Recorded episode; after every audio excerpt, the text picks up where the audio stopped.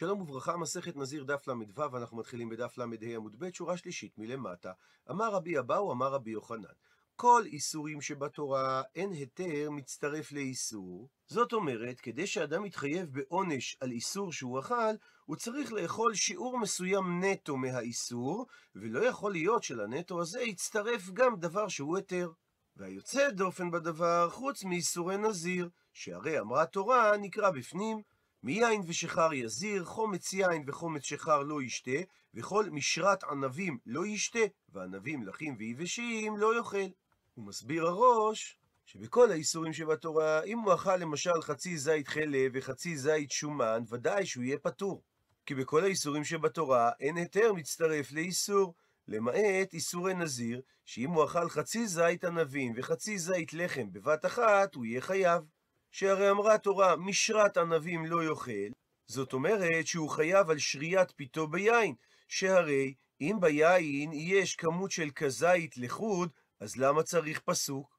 אלא בהכרח שבאה התורה ללמד שאין כמות מספקת ביין להתחייב עליה, והנזיר מתחייב על כמות הפת, ובנוסף לכך על כמות היין שספוג בפת. הפכנו דף, זעירי חלק על רבי יוחנן ואמר שיש איסור נוסף שקיים בו הדין שהיתר מצטרף לאיסור, אף שאור בבל תקטירו, שאסור להקטיר חמץ ושאור על גבי המזבח, ואמר שעירי שאם אין בשאור שאדם מקטיר על גבי המזבח כמות של כזית, והעיסה משלימה את הכמות לכזית, אז האדם יהיה חייב, והוא עובר משום שנאמר בפסוק כל המנחה אשר תקריבו לאדוני לא תעשה חמץ, כי כל שאור וכל דבש לא תקטירו ממנו אישה לאדוני. ושואלת הגמרא, כמן, כשיטת מי אמר זעירי את דבריו? עונה הגמרא כרבי אלעזר. דדריש כל. הוא מסביר התוספות, שהמקור לדברי רבי אלעזר נמצא בפסחים, ששם דרש רבי אלעזר את הפסוק כל מחמצת לא תאכלו, שזה בא לרבות כותח הבבלי ושחר עמדי. זאת אומרת שלפי רבי אלעזר, המילה כל בפסוק באה לרבות שגם תערובת חמץ אסורה, למרות שבחמץ עצמו שבתערובת אין שיעור כדי לחייב עליו, אלא לפי רבי אלעזר מחייבים עליו בתוספת התערובת. וכך גם סובר זעירי שדורש לגבי שאור, כי כל שאור וכל דבש לא תקטירו. שהעיסה מצטרפת לשאור כדי לחייב את המקטיר. מקשה הגמרא אי הכי, אז אם כך, לעניין חמץ נמי. מדוע לא אמר זעירי שגם לעניין חמץ בפסח יהיה האדם חייב על עירוב החמץ האסור עם דבר המותר, כפי שדרש רבי אלעזר, את המילה כל מחמצת לא תאכלו. מתרצת הגמרא, אין הכי נמי. אכן כך גם סובר זעירי שלעניין חמץ בפסח היתר מצטרף לאיסור כרבי אלעזר. אלא הסיבה שזעירי אמר את דבריו רק לגבי שאור, כדי לאפוקי מאביי. להוציא ממה שאביי אמר, דאמר, יש הכתרה אפילו בפחות מכזית. שאביי טען שאדם שמקטיר שיעור קטן מכזית של שאור על המזבח, יהיה חייב מלקות. כמה שמלן, בא זעירי להשמיע לנו על ידי כך שהוא אמר שמתחייבים על הכתרה של תערובת שאור, שאין הכתרה בפחות משיעור של מכזית. הוא מספר את הגמרא, ייטיב, ישב רב דימי וכאמר לה להשמעתה. אמר בבית המדרש את ההלכה בשם רבי יוחנן, שלמעט בנזיר אין היתר מצטרף לאיסור. הייתי והקשה עליו אביי, ממשנה במסכת ווליום, המקפא של תרומה, והשום והשמן של חולין. מקפא זה סוג מסוים של תבשיל שהוא סמיך כמו דייסה, והוא עשוי מדגן, ואותו היו מטבלים עם שום ועם שמן. במקרה שהמקפא עשויה מדגן של תרומה, והטיבול של השום והשמן עשויים מחולין, ונגע טבול יום במקצתן, הוא פסל את כולן. טבול יום זה אדם טמא שכבר טבל את טהרתו, אבל עדיין לא הגיע הערב שמש, זאת אומרת, עוד לא הגיע זמן צאת הכוכבים. יש עליו עדיין טומאה קלה, הוא במדרגה שנקראת שני לטומאה, כך שהוא טהור לחולין ולמעשר, אבל הוא טמא לתרומה וקודשים. אם נגע אדם כזה בחלק מהמקפא, הדין שהוא פסל את כולן, דהיינו, את שלושת המינים שנמצאים במקפא, גם את המקפא עצמה, גם את השום וגם את השמן. ועכשיו היא תרומה טמאה, ולכהנים אסור לאכול אותה. וממשיכה המשנה, אם המקפא היא של חולין והשום והשמן הם של תרומה, ונגע טבול יום במקצתן, במקרה כזה הוא לא פסל אלא את מקום מגעו בלבד, אבל לא את כל המקפא. הוא מסביר רש"י במסכת פסחים את ההבדל בין שני המקרים במשנה. כאשר המקפא עצמה היא של תרומה, והשום והשמן הם של חולין, אז טבול יום פוסל את כל הגדרה, שהמקפא עיקר, והטיבול של השום והשמן בטל ברוב. ואומרת הגמרא, ואבינן בה, והקשינו על המקרה השני במשנה, מקום מגעו המאי פסול. כאשר המקפא היא של חולין והשום והשמן הם של תרומה, מדוע מקום מגעו של טבול היום פסול? והרי מיעוט התבלינים של התרומה צריך להיות בטל ברוב המקפא של החולין. ואמר על כך רבא בר בר חנא בשם אמר רבי יוחנן, מה טעם הדבר? הואיל וזר לוקה עליה בכזית. שאם אדם זר שאינו כהן יאכל תערובת של תרומה וחולין, אז הוא לוקה כאשר הוא יאכל מהתערובת שיעור של כזית. ולכן כאשר התבלינים הם של תרומה הם לא בטלים במקפא שהיא של חולין, אבל מפני שבסופו של דבר מדובר על תערובת של תרומה, לא החמירו בה שכל המקפא עצמה תהיה טמאה, אלא רק מקום מגעו של אותו טבול יום. עד לכאן הדיון במשנה שהביא אביי ממסכת טבול יום. ומקשה אביי, מהי טעמי? מה טעמו של רבי יוחנן, שאמר שזר שיאכל ממקפא של חולין שיש בה תערובת תבלינים של תרומה שהוא לוקה? הפכנו דף. לאו משום דהיתר מצטרף לאיסור? שהרי בשיעור הכזית שהוא יאכל מהתערובת, אין כמות של כזית תרומה, מה שאומר שלפי רבי יוחנן, אפילו בשאר איסורים, קיים הכלל שהיתר מצטרף לאיסור. ואיך אתה רב דימי אמרת בשם רבי יוחנן, שהכלל של היתר מצטרף לאיסור קיים רק בנזיר. אמר לי, עונה רב דימי לאביי, שרבי יוחנן לא סובר שהיתר מצטרף לאיסור באיסורים נוספים מלבד נזיר. ומהי הכוונה בדברי רבי יוחנן? שזר שאכל מהמקפא כזית לוקה עליו, הכוונה דאיכא כזית בכדי אכילת פרס. שאם הוא אכל במשך זמן שלוקח לאכול חצי כיכר לחם, זה מה שנקרא פרס, מלשון חלק או חצי מהכיכר, באכילה כזו הוא יאכל בפועל כמות של כזית מהאיסור עצמו, ולכן אמר רבי יוחנן שהוא לוקה. מקשה הבעיה על רב דימי, ואכילת פרס דאורייתא היא? האם אדם שאכל כזית מדבר אסור, במשך זמן של אכילת כדי פרס, עובר על איסור דאורייתא שהוא יהיה חייב עליו מלקות? אמר לי, עונה רב דימי לאביי, אין, אכן זה גדר דאורייתא. מקשה עליו אביי, אי הכי, אז אם כך, עמי פליגי רבנן עלי דרבי אלעזר בכותח הבבלי. מדוע במסכת פסחים חולקים חכמים על רבי אלעזר ואומרים שאדם שאכל כותח, שזה רוטב שהיו מכינים אותו לטיבול, והוא היה עשוי מפירורי לחם עם דברים נוספים, ואמרו חכמים שלא לוקים על אכילתו בפסח. והרי ודאי שאדם שיאכל כותח הבבלי בזמן של אכילת פרט, שיש בזה שיעור כזית של חמץ. אמר לי, ענה רב דימי לאביי, הנח לכותח הבבלי, אל תביא הוכחה מהמקרה הזה, דלקה כזית בכדי אכילת פרס, שאין בו מציאות שאדם שיאכל אותו בזמן של אכילת פרס, שהוא יאכל כזית חמץ. הוא מבאר רב דימי, שהרי יש שתי אפשרויות לאכול את הכותח.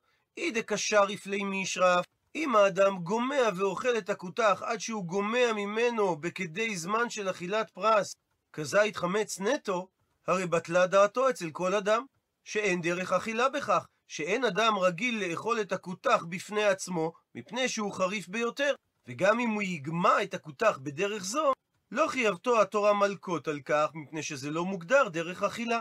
שהרי יש כלל שאומר, בטלה דעתו אצל כל אדם.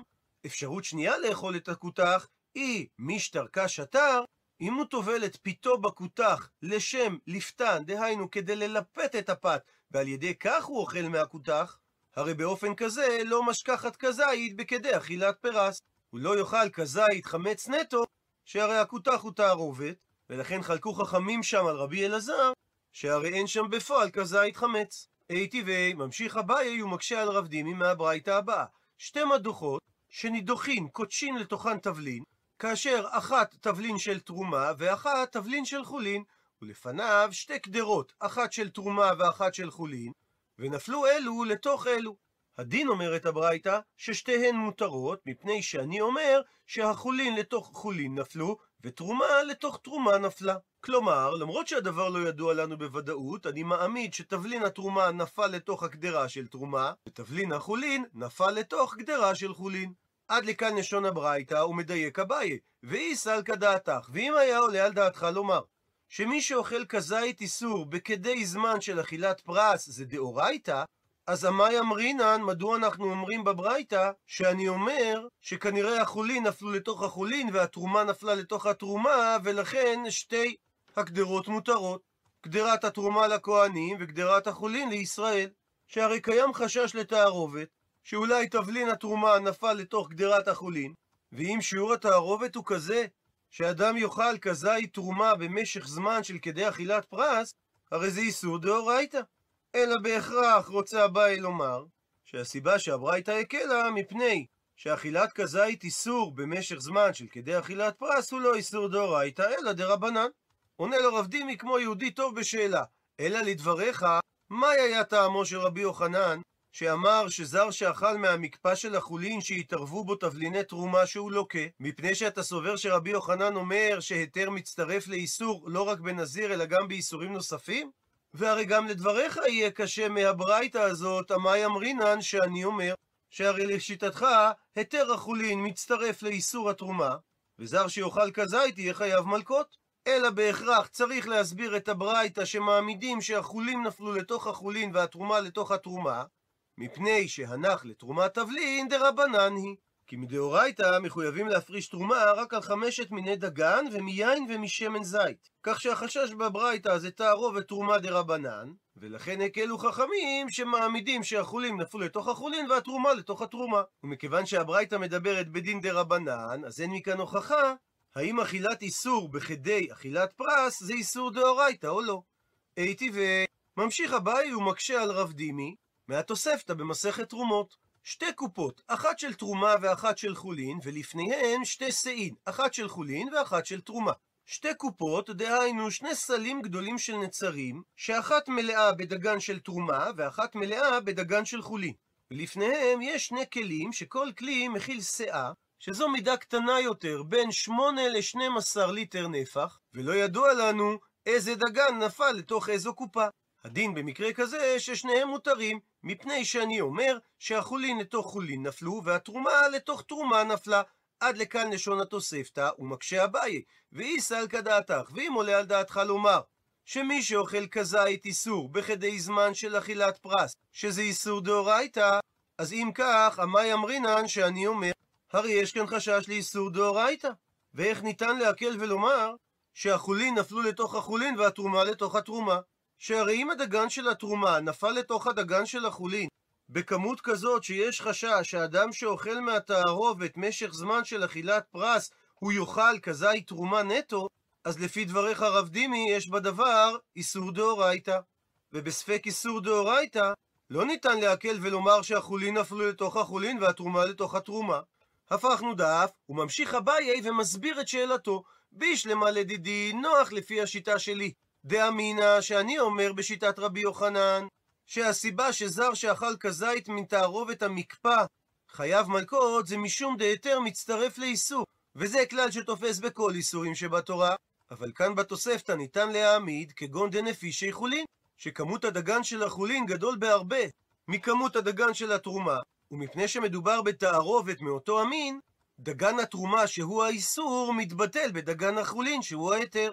מה שאין כן במקפא, שהשמן והתבלין הם לא מאותו מין של המקפא, ולכן הם לא מתבטלים בה, ושם אנחנו אומרים שהיתר מצטרף לאיסור. אלא לדידך, אבל לשיטתך רב דימי דאמרת, שלפי רבי יוחנן, זר שאכל מתערובת המקפא, חייב מלקות, משום דאיקה, משום שיש בזה כמות של כזית איסור בכדי זמן של אכילת פרס, כיצד תסביר את התוספתא? שהרי גם כי נפישי חולין, מה יהווה?